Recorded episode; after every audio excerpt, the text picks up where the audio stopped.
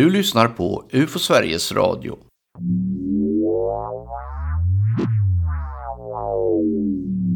De mystiska ljusen i Hästdalen, kanske mer känt som Hästdalen-fenomenet, är fortfarande av okänt ursprung. Ljusen visar sig både ovanför och under horisonten spritt över dygnets alla timmar, även om de blir mer visuella efter mörkrets inbrott. Ibland rör sig ljusfenomenen med enorm hastighet medan de vid andra tillfällen verkar sväva långsamt i pendlande rörelser. Fenomenen som observeras är vanligtvis ljusvita, gula eller röda till färgen och har en varaktighet från några sekunder till mer än en timme. Hästdalen-fenomenet, som namnet antyder, är på något sätt platsbundet till just denna dal i Norge mellan Trondheim och Röros, inte långt från svenska gränsen till Härjedalen. När aktiviteten var som högst rapporterades fenomenen upp till 20 gånger i veckan. Beskrivningar visar på observationer av Hästdalen-fenomenet, kanske så tidigt som på 1930-talet. Den stora ökningen av iakttagelser tog fart i början på 1980-talet och bidrog till att projekt Hästdalen initierades av UFO Norge och UFO Sverige. Projekt Hästdalen var ett oerhört ambitiöst fältundersökningsprojekt mellan åren 1983 och 1985. Ett lyckat beslut i projektet var att inte använda sig av beteckningen UFO i samband med det som istället kom att betecknas som Hästdalen-fenomenet. Detta gjorde att det hela fick en mer seriös prägel och på så sätt kom att intressera också forskarvärlden. Märkligt kan man kanske tycka att ett litet ord som UFO kan ha sådan kraft. Men parallellerna till dagens övergång till användandet av UAP är slående bara för att komma ifrån det stigmatiserade begreppet UFO. Ni ska känna er varmt välkomna till UFO Sveriges Radio.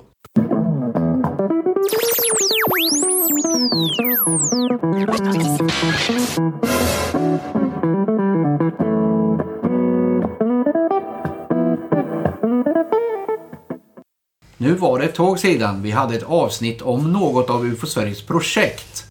Men eh, det råder vi bot på i det här avsnittet med projekt Hästdalen. Då har jag den stora äran att ha med mig två av huvudpersonerna. Håkan Ekstrand och Mats Nilsson. Ni ska vara välkomna till UFO Sveriges Radio. Tack så mycket. Tack, tack. Vi ska väl försöka hålla oss till någon sorts kronologi här så mycket som möjligt. Men var tycker ni att det är lämpligt att vi börjar? För fenomenet i sig är väl inte så nytt som man kan tro, även eh, om 80-talet inte längre är nutid. Själva fenomenet, Hästdalsfenomenet som man nu kallar det här, det startar ju faktiskt långt före i en annan del av Norge som heter Arendal. Redan eh, november 1981 så fick man en liten ökning av antalet fenomen just i Arendal då, som höll på i ett par veckor. Var ligger Arendal? Det ligger i södra delen av Norge. Men är det nära svenska gränsen eller är det längre in i landet? En bit in i landet, vid kusten. Där höll det på då ett par veckor. Sedan eh, flyttade det faktiskt upp då till Hästdalen. Så i början på december 1981 så fick man en eh, dramatisk ökning av antalet fenomen i Hästdalen. Och den pågick i ett antal veckor eller månader. Sen avtog den sakta under 1982 men den fanns fortfarande. Fenomenet i sig fanns ju hela tiden och var mycket oftare förekommande där än på andra ställen då. Men man tror ändå att det var samma grej som var i Arendal och i Hästdalen. Nej, man kan väl inte direkt säga att man vet det, men fenomenen var liknande varandra. Ja. Vi har utgått från att det är typ av samma fenomen. Det här fenomenet flyttade ju också till Dalarna efter de här perioderna. Och där hade man då en dramatisk ökning då, 1985 då, utav antalet observationer. Och eh, där var ju också UFO Sverige inblandade då i, i det projektet. Så vi hade ganska mycket att göra ett tag där några år på, i början på 80-talet. Men hur, hur manifesterar sig de här eh, fenomenen då? Jag tänker om man jämför med andra fenomen som vi intresserar oss för som vi också kallar för UFO. Det, här, Ja. det här är ju inga direkta tefat.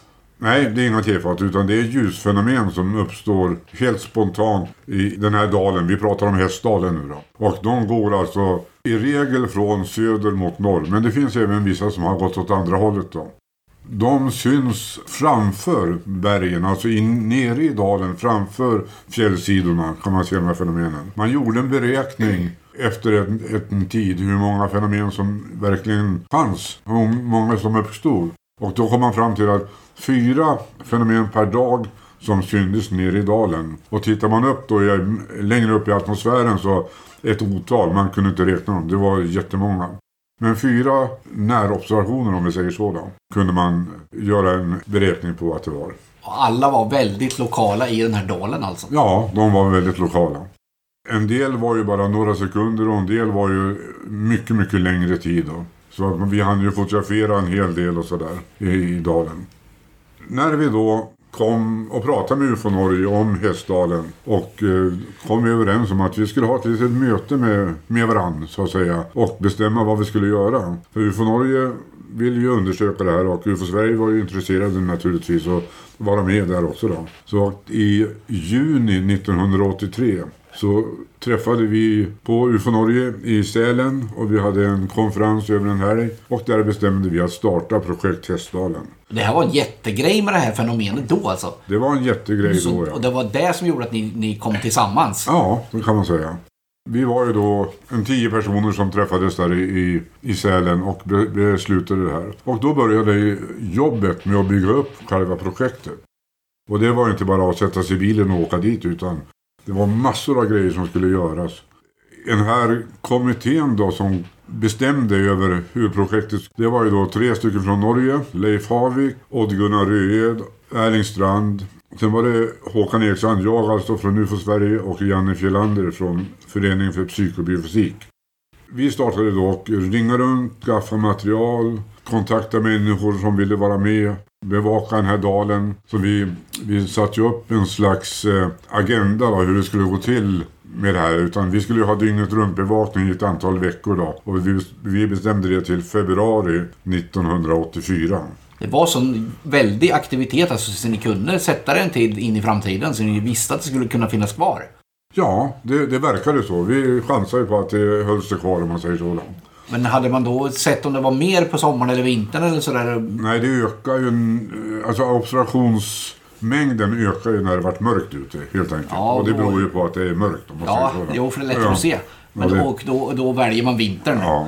Jag tänkte men, det är kallt och jävligt. Ja, men det, är ju, det var ju så vanligt så att folk gick ut och tittade. Nu ska vi ut och titta på fenomenet idag. Så gick de ut och så gick de in och tittade på någon såpa på tv. Och sen gick de ut igen och tittade på det här fenomenet. Liksom. Så det var väldigt ymnigt förekommande då.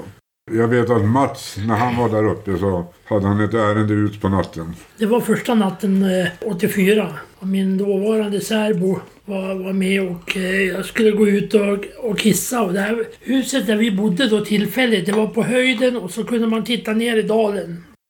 Första natten så står jag där. Då nere i dalen så kommer ett ljussken och far ganska snabbt. Som jag ser uppifrån alltså och försvinner sen bakom knuten på huset, fortfarande nere i dalen. Det var slänten och så var det en, en bäck där nere och så sen var det lite högre på andra sidan och där fanns det lite andra hus. Nere i den där dalen kom den där ganska snabbt och jag vände mig om och knackade på fönstret och ropade kom och titta, kom och titta och det var borta då.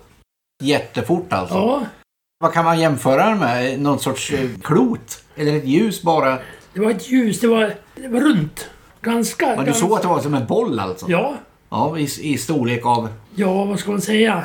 Alltså en liten, liten kula. En hand. Eh, du skulle kunna ta i den om det var, om det var nära. Alltså det var, inte, var inte, man jämförde inte med en bil som flög nej, nej, nej, nej. nej, nej. Alltså, jag, jag, tänker mig att, att, att lyssnarna här ska få en bild av hur stor, alltså fenomenet som sådant som du såg där. Tänk dig en eh, tennisboll. Men det var ändå eh, en bit bort, några hundra meter eller? Ja, det var ju rakt ner. Jag vet inte hur många meter men... Nej, nej, men ändå en tennisboll den blir ju ganska liten. Man kommer inte så långt bort. Nej, men så, så, så långt var det inte. Och det var... Den gick en bit upp i dalen men fortfarande så att jag kunde se den uppifrån. Ja, men det var den absolut första kontakten med det fenomenet ja. för din del. Och det, då var jag så begeistrad för jag tänkte första natten en sån här upplevelse, det kommer att bli en fantastisk vecka ja. tänkte jag. Men det måste ju ha varit väldigt mycket jobb innan ni kom så långt. Ja, o ja. Ja, vi beslutade då på det här mötet i serien vad vi skulle göra var och en då i den här kommittén då som hade bildats. Samtidigt så skulle vi åka upp till en UFO-konferens i Lane End utanför London i England. Och då kom vi överens om att vi ska försöka presentera det här projekt Hästdalen på den här konferensen.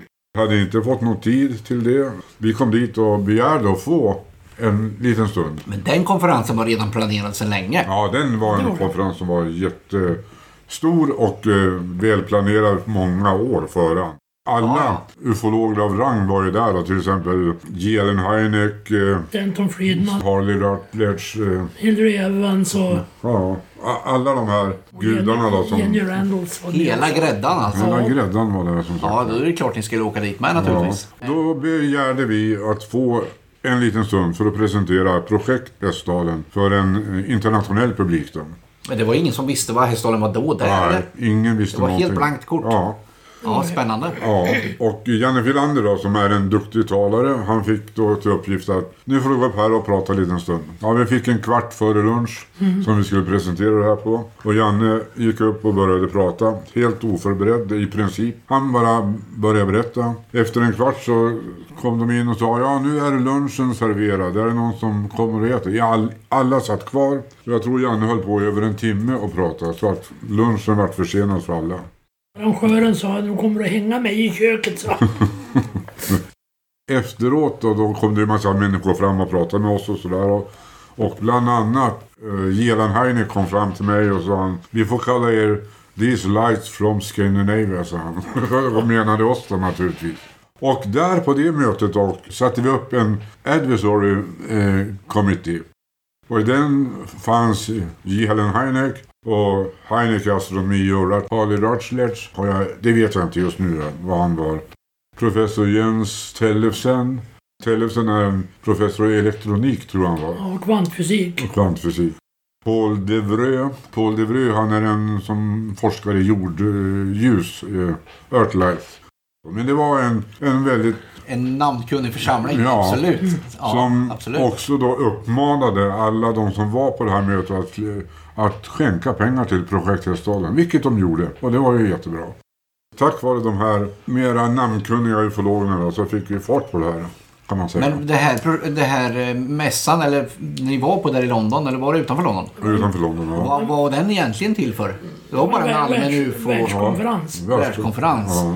Det var ju verkligen rätt eh, plats att presentera det här på då.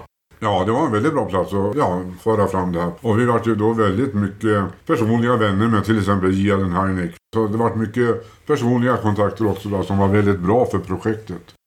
I och med det, den konferensen då så fick vi ju blodad tand kan vi säga. Då åkte vi hem och gjorde ännu mera. Och det var att ta kontakt med universitet, högskolor, militären. Eh, jag pratade med Kiruna geofysiska institut för att få kartor och eh, data när det gäller jordmagnetism till exempel. Och det är så mycket som man, det går inte att, att förklara riktigt hur. Men de ni pratade med, var de också entusiastiska när de fick höra det här? Ja, de, de var fantastiskt Det var ingen som fnös åt det och så som jag tänker Nej. att och så fort man nämner UFO och sådana här grejer att det blir lite... Vi hade ju tagit ett beslut om att vi inte skulle använda ordet UFO i det, det här projektet. Det är ju stigmatiserat. Det är väl därför Ja. de byter nu då till UAP i USA. Ja, det gör Av antagligen. samma anledning. Ja. Så vi kallade det för uh, Hästdalen-fenomen. var det liksom. exakt. Men det Och, var eh, helt okänt. Alltså, man hade inga idéer om... Nej, nej. Man gick in förutsättningslöst i det här projektet. Ja, de, de gjorde faktiskt det. Och man skickar ju faktiskt forskare dit också. Geologer och klotblixtforskare och... Men de var inte med officiellt i ert nej, inte projekt. officiellt. De kom ju dit ändå då liksom. Ja. Men de ville ju ha Hjälpa nytta och hjälp Ja, utav oss ja, hela ja, ja. tiden. Så att det, det var ju väldigt bra. Sen vet jag inte om det var bara för oss, men ibland åkte ju NATO förbi där med flygplan och... Det var ju så, vi hade ju då en, en kontakt med Gråkallen då, som är en stor radaranläggning utanför Trondheim. Jag tror att det är i NATOs regi. Och de hade till uppgift att serva oss med radardata om vi begärde det, om vi säger så. Kunde de då upptäcka de här fenomenen på radarn? Ja, Alltså? det vet vi inte, utan det var ju utifall att de kunde göra det. Ja, ja, ni begärde inget. Nej, vi begärde ingenting då, så att det... Och eh, även det här flygplanet som Mats pratade om då, det var ju norska flygvapnet då, som flög över Hästdalen för att vi skulle kunna kalibrera våran radar som vi hade uppsatt. Hela norska försvaret ställde upp med bandvagnar. Vi fick jättemycket ved till våra utposter ifrån försvaret som de körde ut med sina bandvagnar också. Då, som var nästan omöjligt att ta sig fram till annars. Miljön runt de här platserna ni var på, alltså, för det första, det här ligger väldigt högt upp. Det är inte något så här hyrhöjdsfjäll. Nej, Nej. Utan det är mellannivå på fjäll på något vis. då. Ja, men det är ändå, det är ändå vildmark. Ja, det är vildmark. Jo, det är det. Och det är ännu värre på vintern. Det är väldigt värre på vintern. När jag var där uppe en gång så var det minus 37 grader i Hästdalen. Ja, det kan man säga. Det var kallt. Men många ställen var ju över trädnivån. Ja, Trädgränsen. ja, men ni hade, det var det vinter när ni, när ni hade bestämt att ni skulle dit alltså. Andra året då när eh, Alan Hynek kom på besök då till Hästdalen. Då hade han åkt bil ifrån Oslo med Odd-Gunnar Röe då, som var en i kommittén. Och eh, när de passerade en granndal, dalen bredvid Hästdalen, så var det minus 42 grader i den dalen. Så att det var, det var ganska kallt som sagt var. Våra utposter då, som vi hade satt ut då, på tre ställen, fyra ibland, men eh, alltid på tre ställen för att kunna göra mätningar på rätt sätt. Där låg folk i tält. Fast det var så här svinkallt. Det var till att elda alltså. Det var till att elda och ibland hände det saker och ibland gick det bra om man säger så då. Min uppgift i den här kommittén det var en slags eh, sammanhållande. Jag skulle skaffa personal, jag skulle se till att veden kom dit och jag skulle se till att ja, allting fungerade som det ska göra. Att eh, det fanns eh, skotrar till att tillgå när man skulle ha skotrar och sådär. Eh, skaffa tillstånd för att köra skoter i norska fjällen också. Det är ett helt äventyr bara det. Men det gick bra till slut. Ni stötte inte på något motstånd från någon i princip. Nej. Och naturen som själv satte stopp. Ja, det var det kan man säga. På den här konferensen då i England, och då fick vi då som sagt var blodad tand. Då åkte vi hem, vi gjorde i ordning ett utskick till alla som bor i Hästdalen och runt om dalen. Så vi skickade ut ungefär 1500 brev till de som bor där och förklarade vilka vi var och vad vi gjorde och så där, om de hade varit med om någonting. Så fick de ett svarskuvert och en, ett rapportformulär att fylla i och skicka tillbaka. Sen åkte vi upp till Hästdalen till deras, vad ska vi kalla det för, Folkets hus. De hade ett sån, en, ett hus där man hade fester och sådär. Och presenterade det här och vilka vi var. Och alla ställde upp. Man kunde komma liksom dit. eh, Första gången jag var där, då låg jag i och för sig första natten och sov i bilen. Men sen så kom jag in till Jon Arvid hette han och då fick jag sova i hans hus resten av den tiden. Så att det, ja, var man än kom så fick man kaffe. Och väldigt vänligt bemötande. Man hade två affärer i den här dalen på den tiden. De hade dörren öppen för projektet så de skulle kunna komma åt fotogen och sådana här saker som behövdes då till våra poster ute i naturen. Även under nattetid och så. Ja, under nattetid också. Ja, vi skrev ja. bara upp vad vi hade tagit och sen så var det bra med det. Närmsta större ort till de här då så att man vet ungefär hur man skulle kunna lokalisera sig. Den största orten då, det är ju Röros i så fall. Och den ligger ungefär tre mil söder om Hästdalen. Den närmaste civiliserade orten om vi ska säga då, men där det finns mycket affärer och sådär, det är Ålen och den ligger alldeles nedanför Hästdalen. När man åker till Hästdalen så åker man genom Ålen och sen tar man upp mot Hästdalen och då åker man på en liten slingrig väg upp till någonting som heter Hästdalskölen. Där börjar dalen. När man kommer över den där kölen då så åker man ner i dalen. Och då är den ungefär 12 kilometer lång ungefär. Och sen går ju då eh, fjällen och bergen upp på, på båda sidor sådär. Och vi var ju överallt i den där dalen. Så att det känner vi väl till området om vi säger så. Om man åker från Sverige då, vad är närmsta vägen? Ja det är nog över, ja det beror på var man kommer ifrån. Men om vi kommer här nerifrån så är det att åka Idre, Särna och sen upp. Funäsdalen in. Det är inte så långt norrut i alla fall. Nej det är det faktiskt inte. Jämnhöjd med Sundsvall. Och det, det, även om man inte ser något UFO så är det faktiskt en fantastisk natur man kommer till. Det är vansinnigt vackert. Men de här som bor här då, vad, vad livnärs de av? Ja, ibland funderar man ju det. Men de, många hade ju ett eh, jordbruk faktiskt på något vis. Och, och djur då. Och många åkte ju, pendlade ju till något jobb. Men det var ju en äldre befolkning som bodde där.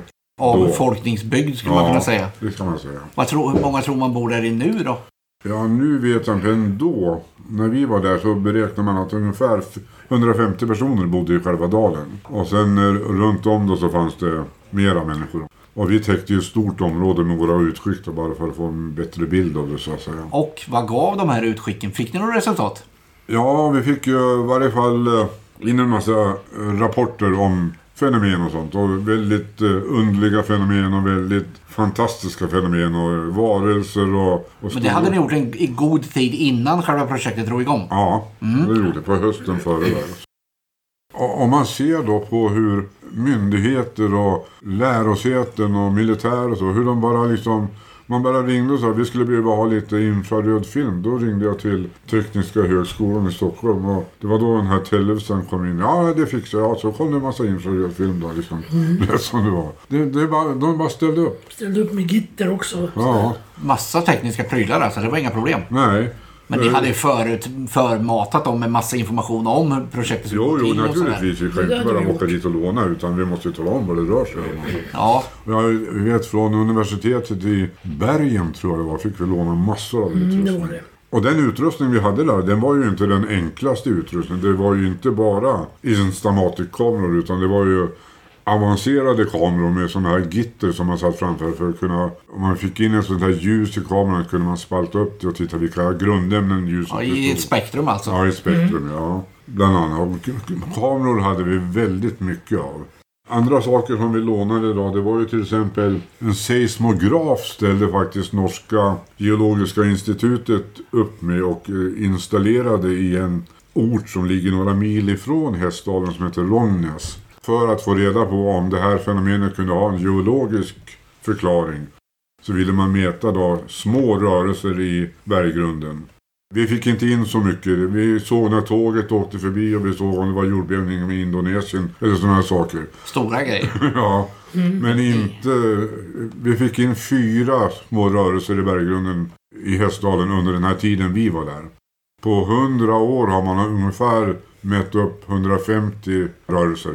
Men de, de tror man är naturliga på något sätt. Ja, det är naturliga saker. Och de har inte gått att sätta samband med ljusfenomenen. Nej, men man tror ju också då att eftersom hela Hästdalen ligger i ett kvartsrikt område med mycket kvarts. Tror man att spänningar i jord, jorden, så att säga, i materialet i jorden kan få sådana här kvartskristaller att eh, ploppa upp sådana här fenomen i dem så att säga. Att, eh, har man en elektrisk cigarettändare så när man tänder den så då klämmer man ju på en kvartskristall till exempel. För att få den gnistan. Och det är den gnistan man tror då, fast i större format, som man ser kanske i Hästdalen.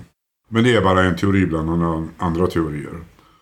Första projektet så fick vi ju ett telefonsamtal från Bergen att det var jordskalv just i Hästdalen. Men inte så stort, men det mä- mättes upp i alla fall. Att, att epicentrum var i Hästdalen. Ja, Att man kunde i verkligen... närheten. Ja, Jag ja. vet inte riktigt var. Men... Ett annat eh, instrument vi hade andra året vi var inte första året. Andra året hade vi en radar då som vi installerade uppe på en, en höjd där.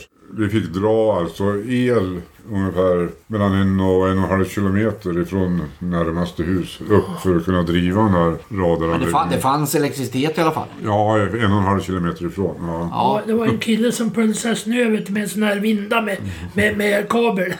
Men den hade vi nytta av. då. Vi fick ju in då vissa radarindikationer så att säga. Man mäter ju bland annat upp en hastighet på 8500 meter per minut tror jag det var. Eller om det var sekund, jag kommer inte ihåg det. Nu har jag lite dubier om just den situationen. Det, man ser en prick på radarskärmen och sen går den ett varv så ser man en prick på ett annat ställe. Det behöver inte ens vara samma fenomen utan det kan vara två olika fenomen. men alla de här tekniska grejerna backades de upp med visuella observationer. Ja, en del gjorde det faktiskt. Vi hade en del Eftersom som ni hade folk ute menar jag på flera ställen samtidigt. Ja, vi hade en del sådana. De finns med här i, i den rapport som skrevs från det här. En annan teknisk utrustning vi hade var spektralanalys. Där man mäter eh, radiovågor ifrån de här fenomenen kan man väl säga. För lite enkelt. Och ser man att de ändrar sig och sådär så då är de ovanliga så tyder det på någon slags eh, fenomen. Det är svårt att förklara. Men har man då gjort sådana här, vad heter det, oberoende mätningar någon annanstans? Eller fanns det redan så man visste hur den där apparaturen skulle fungera och så? Nå, Så att man, jag menar, man, man känner igen de här om, omständigheterna, de är ovanliga. Men, ni vi hade hade ju folk som... expertpersonal som ja, vi hade ju ja. personal som kom och hjälpte oss med det här. Eh, magnetometrar hade vi också som vi hade satt ut så här för att mäta magnetfälten uppe i Hästdalen. Och de korrelerade vi med Kirunas geofysiska institut. För liksom magnetismen har någon påverkan eller någon orsaksverkan på att Man kunde man se om det rörde sig eller fluktuerade. Eller om Ja. det, man kunde göra det. Alltså Ja, det realtid mer eller mindre. Ja, i realtid kan man säga. Och eh, även eh, de här rapporterna vi fick ifrån Kiruna då. De kom ju, ja dels när vi ville och dels så kom de med, med några dagars mellanrum hela tiden. Då. Men det var mätningar som de gjorde per satellit. Ja, antagligen var det Ja, satellit. ja. Med de här magnetometrarna så mätte vi då magnetfälten som sakta hela tiden ändrar sig på jorden. Om det vart någon störning i den där ändringen så kunde det tyda på någonting då. Ja, man ser att det klickar till. Det går lite fortare. Ja. Vi hade en laser där som, man, som vi riktade mot de här fenomenen. Enligt en källa då, sa att när han riktade den här laserstrålen mot det här fenomenet så svarade den. Liksom, den blinkade. Alltså det, det interagerade på något sätt. Ja, det det var någon typ av mät, eh, avståndsmätningslaser. Eller? Nej, det var ingen avståndsmätningslaser. Vad- Utan, men vad, vad, vad var det för laser då? ja du, jag har bara en... Jag en tänker mig att om en del som hör, hör laser här tänker science fiction helt plötsligt. Ja, det, nej det är väl inte det vi pratar om? Nej, är utan 633 nanometer laser spektral Fysic Ink modell 155. Jag vet inte Ja, vad det nej, det är ju en viss eh, våglängd för ljusets skull. Ja. Men jag tänker mig att den måste ju vara till för någonting och den är inte till för att skjuta. Alltså, nej, det är ju inte nej. ett vapen. Nej, utan- Om någon får för sig det menar jag. Ja. Nej. Nej. utan det, från början var det antagligen för att mäta avstånd. Så att Ja, säga. för det är väl ofta sånt man har Ja. laser till. Att man, Men, på något sätt. Ja, men vi, vi fick Det- ju aldrig sådana fenomen så vi kunde mäta avstånd. Nej. Men däremot när man riktade det mot ett sånt här fenomen så ändrade den karaktär på sina Den reagerade på Ja. något sätt. Ja, det, det är ju spännande. Ja. Sen hade vi Geigermätare för att mäta om det var några ja, radioaktiva saker. Vi hade sådana IR-viewer som man kunde se om det var Ja, ljusförstärknings... ljusförstärkningsgrejer. Märk, kunde det, gav det någonting? Nej, det gjorde det inte. Nej, nej. Det- nej. Många av de här instrumenten gjorde ingenting egentligen. Utan, men utifall. Absolut, Ja. det är roliga grejer och det är Ja. bra. Man måste ju testa. Om man ändå har dem Ja. till hands så är det ju dumt att inte ta med dem. Och det här var ju första året då. Förutom radarn då, för den hade vi andra året då. Vi lärde oss så mycket det här första året så vi beslutade att vi kör ett år till med de nya kunskaperna då. Du måste ha samlat in en väldig mängd data. Ja. Eh, Det togs eh, 1500 foton första året som vi var där på sådana här Och på fenomen. den tiden ska man ju komma ihåg att det verkligen var film och inte som idag digitala bilder. Nej, där man kan ta tusentals foton med mobilen bara rakt upp och ner utan att det kostar en spänn. Ja, men det här var alltså... Ja, det var... Riktig film som skulle framkallas sen. Ja. Det måste ha kostat en ansenlig summa. Ja, det var ju eh, vissa lärosäten som framkallade dem då. Jo, jo, jo, men ändå. Jag menar, det måste ju till material och så. det är Ja, inte ja, hur ja. lätt som helst. Nej, vi hade väldigt mycket hjälp utav, utav eh, myndigheter och andra aktörer. Men tyckte du att ni kom närmare fenomenets natur? Ja, på sätt och vis. Under den här tiden som vi var eh, aktiva i Hästdalen och då när vi var 100% aktiva dygnet runt, det var ungefär tre veckor. Det är ju enormt lång tid. Ja. Och då hade vi alltså 40 man från UFO Sverige som var där uppe plus alla norrmän som också var där. Och du, totalt, hur många var ni då? Ja du, jag vet faktiskt inte. Och det var UFO, folk som var medlemmar i föreningar. Det kom, eh, det kom, Lokalbefolkning och sånt hjälpte ja, till. det kom folk från Finland som ville vara med och det, de bara ringde och frågade kan vi också få vara med? Ja, vad- Alla får vara med. Ju, mer ögon man har, ju bättre är det. Ja, det förstår jag ju. Men det är helt otroligt. Men eh, första året då, under de tre veckorna då, så fångar vi in de fenomen som vi har lagt märke till om man säger så då. Det var 188 stycken. På tre veckor. Ja, Det är bra det. ja. Och det var både sådana här nere i dalen och sådana uppe på... I, Men det är då samma typ av ljusfenomen. Även om, om de har, ibland har de bergsväggarna som bakgrund. Ja, ja. Och då, så här, då gjorde vi en tabell eller en, där vi kunde sortera de här observationerna. Och då har vi två axlar på den här tabellen. En som betyder kvalitet. Vad det är för, om det är bara en ljusblixt sådär, det är inte så mycket att... Är kort i tid och sådär. Medan däremot om det varar kanske man en hinner stund eller gör en viss Man grej. hinner eller- att se strukturer eller rörelser. Ja, ja. Och sen då så är det en annan axel som heter F. Och det är märkvärdighetsgrad. Och det är väl de som såg det här, uppfattade det här, vad, vad de liksom... Ja, det här kan inte vara bara... Hur man graderar Ja, alltså gra- från ja, enkelt, ja. simpelt till väldigt avancerat. Och då har vi delat upp dem då i en tabell här som man ser. eh, hur, nu, nu är det svårt att förklara det med mikrofon här men, men utav de här 188 fallen så är det egentligen bara åtta fall kvar som är konstiga. Som vi inte kan ha, ha någon slags förklaring till. Någon idé om de är så väldigt märkliga. De ligger alltså här nere på märkvärdighetsgrad och kvalitetsgrad ända upp i toppen kan man säga. Det är lite som den här vanliga statistiken som vi har. Att det mesta kan man få en förklaring på. Men det finns ändå en kärna till slut. Som är så enormt annorlunda. Utav de här 188 fallen då så sorterar vi bort 135 direkt. Som är inte lönt att jobba med helt enkelt. Medan 53 då fortsatte vi att jobba med. Och utav dem återstår det åtta stycken nu som under fortsatt utredning eller vad man ska kalla det för. Som verkligen är någonting, fenomen som inte... är Ja, oförklarade, ja, inte oförklarliga. nej. För vi vill ju kunna förklara dem och det går säkert på något sätt. Men vi är... Men tror vi att vi är nä- närmare en förklaring idag än vad vi var då? Jag vet inte. Det man har gjort då det är att man har uteslutit en massa olika förklaringar eller teorier som inte är aktuella. Hästdalen vart ju då starten för en, vi kan väl kalla det för en revolution inom forskarvärlden att eh, här var det några snubbar från Norge och Sverige som satte upp någonting och kom på någonting. Här måste vi in så de inte får för mycket. Nej, så de inte tar det. Nej, men det kan ju vara någon ny, ny naturkraft eller så Ja. som de inte känner till. Och då är det ju grundforskning det handlar om. Och det är Ja. klart att de ska vara med då. Ja, oh ja, oh ja. Efter det här projekt Hästdalen några år så var det ju då forskare från Italien och Ryssland USA, Japan. Sverige och alla möjliga där uppe och gjorde sina mätningar och filmade och grejer. Och det var för att det, var garanterat att man får någonting där. Ja, i princip kan man säga det. Det ville se ett UFO och åkte Hästdalen. Hästdalen-fenomen, Ja. eller vad det nu är. Någon typ av fenomen som inte är alldeles lätt att förklara. Men det märkliga är att jag har varit i Hästdalen 21 gånger. Och jag har bara sett ett enda fenomen på alla 21 gångerna. Ändå så såg det 188 på tre veckor.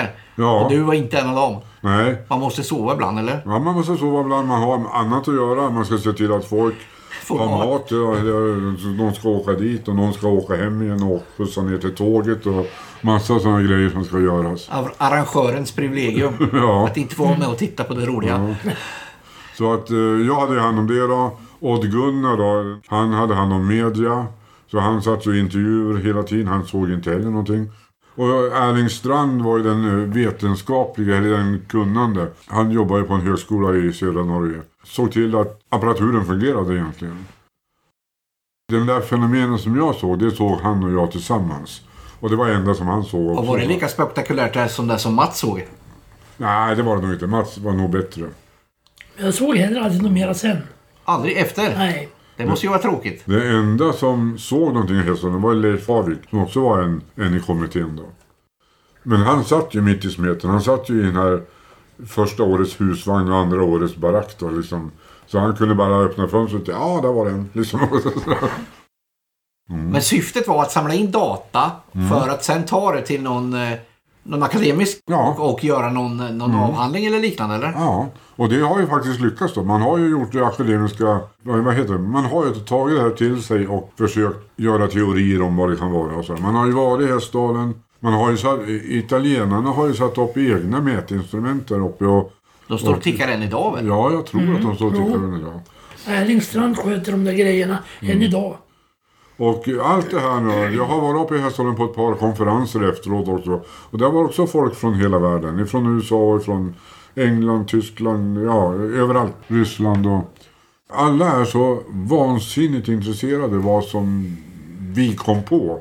I och med att de tror så mycket på på att det kan vara någonting då, så har vi ju fortsatt. Erlingstrand har ju fortsatt med sin blåa box som det heter, som är en automatisk eh, mätstation som går i Hästhagen för jämnan. Men det ska vi ta upp på en annan podd så småningom, så vad den visar. Men i alla fall så har det varit en väldigt lärorik händelse att vara med om. Så Det måste ha varit väldigt stort. De projekten jag själv har varit med i, de har ju inte varit alls så stora.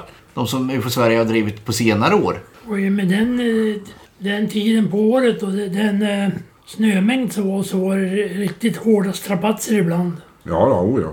Men eh, ni var ju 37 år yngre då med. Det var vi. Ja, det vet jag inte, men det kanske det var. Men eh, någon en rolig anekdot måste vi ju ta. Har ni någon från den här hästdalen? Det måste ju ha varit otroligt strapatsrikt om det var 37 minus ibland. Och väldigt långt bort. Och mycket transporter. Man kan säga att vädret var sådär fantastiskt eh, ombytligt. Vi hade lånat en stuga utav en familj som bodde på eh, ena fjällsidan där. Och det fanns ingen el och ingen vatten och utedass och grejer. Och sitta på utedass när det är minus 25 grader, det är inte så kul. Men Det går fort. det går, ja. Men i alla fall så skulle jag ner till affären och handla så jag tog bilen och åkte ner till affären. Under tiden jag var ner till affären så var det snöstorm. Så när jag skulle åka tillbaka då hade vägen försvunnit. Jaha, då, Mats var där då också.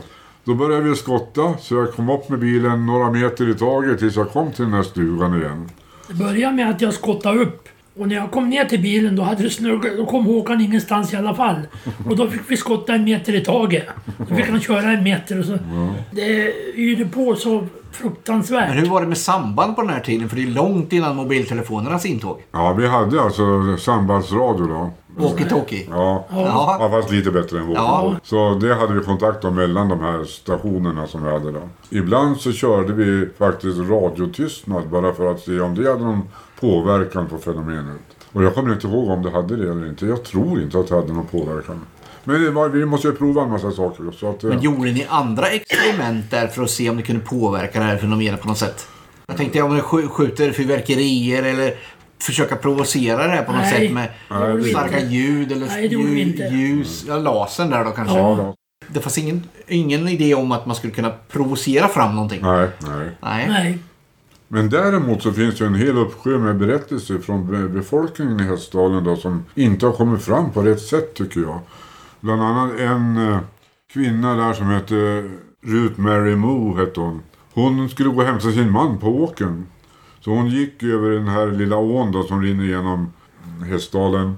Upp på andra sidan. Och så ropade hon till sin man att han skulle komma. Ja, kom kommer snart. Du kan vänta där nere. Så hon satte sig på en sten bredvid åkanten där. Och då kom det alltså en cigarrformad farkost. Som hon tyckte var lite rostig fram till så här. Och flöt fram strax över ån så här. Sakta, sakta, sakta. Och sakta försvann bort igen då. Och vad det var, alltså det är en människa som, ja jag kan inte tänka mig att hon bluffar. Mm. Det var, det var ju så påtagligt ibland så att jag var hemma hos en eh, familj där och där, där sa man, mannen i huset, han sa här att vi, vi tittar inte på TV, vi tittar genom fönstret. Det kom alltså in andra berättelser som inte kan egentligen härledas till själva det som ni kallar för Hästdalen-fenomenet. Som är ett ljusfenomen. Nej. För det här var ju, det här som du berättade var ju mera en någon, någon fysisk farkost. Ja, ja.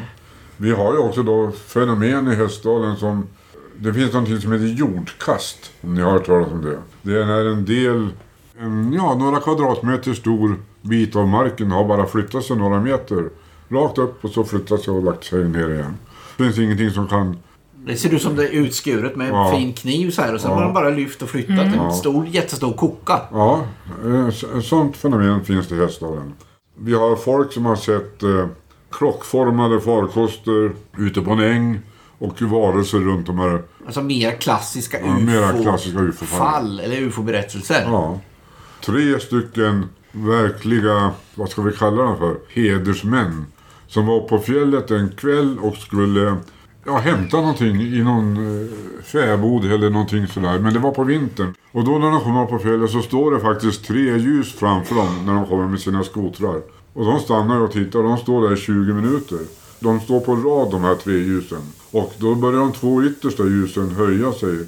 Alltså det vänstra och det högra ljuset, det höjde sig upp. Och sen det här mittersta ljuset stod kvar här nere, ner till. Och sen försvann det rakt upp så här, tjoff, så här. Sen försvann allihopa. Och de ljuger inte. Det var- Nej, det är väl ganska ovanligt att folk ljuger. Men det, det är också sådana här fenomen som inte hör till själva projekthästdalen. Utan det är sånt som har kommit in efteråt. Sånt som man får på köpet. Ja, Som man alltid får när man gör saker och ting. ja. För det är då folk uppmärksammar det hela.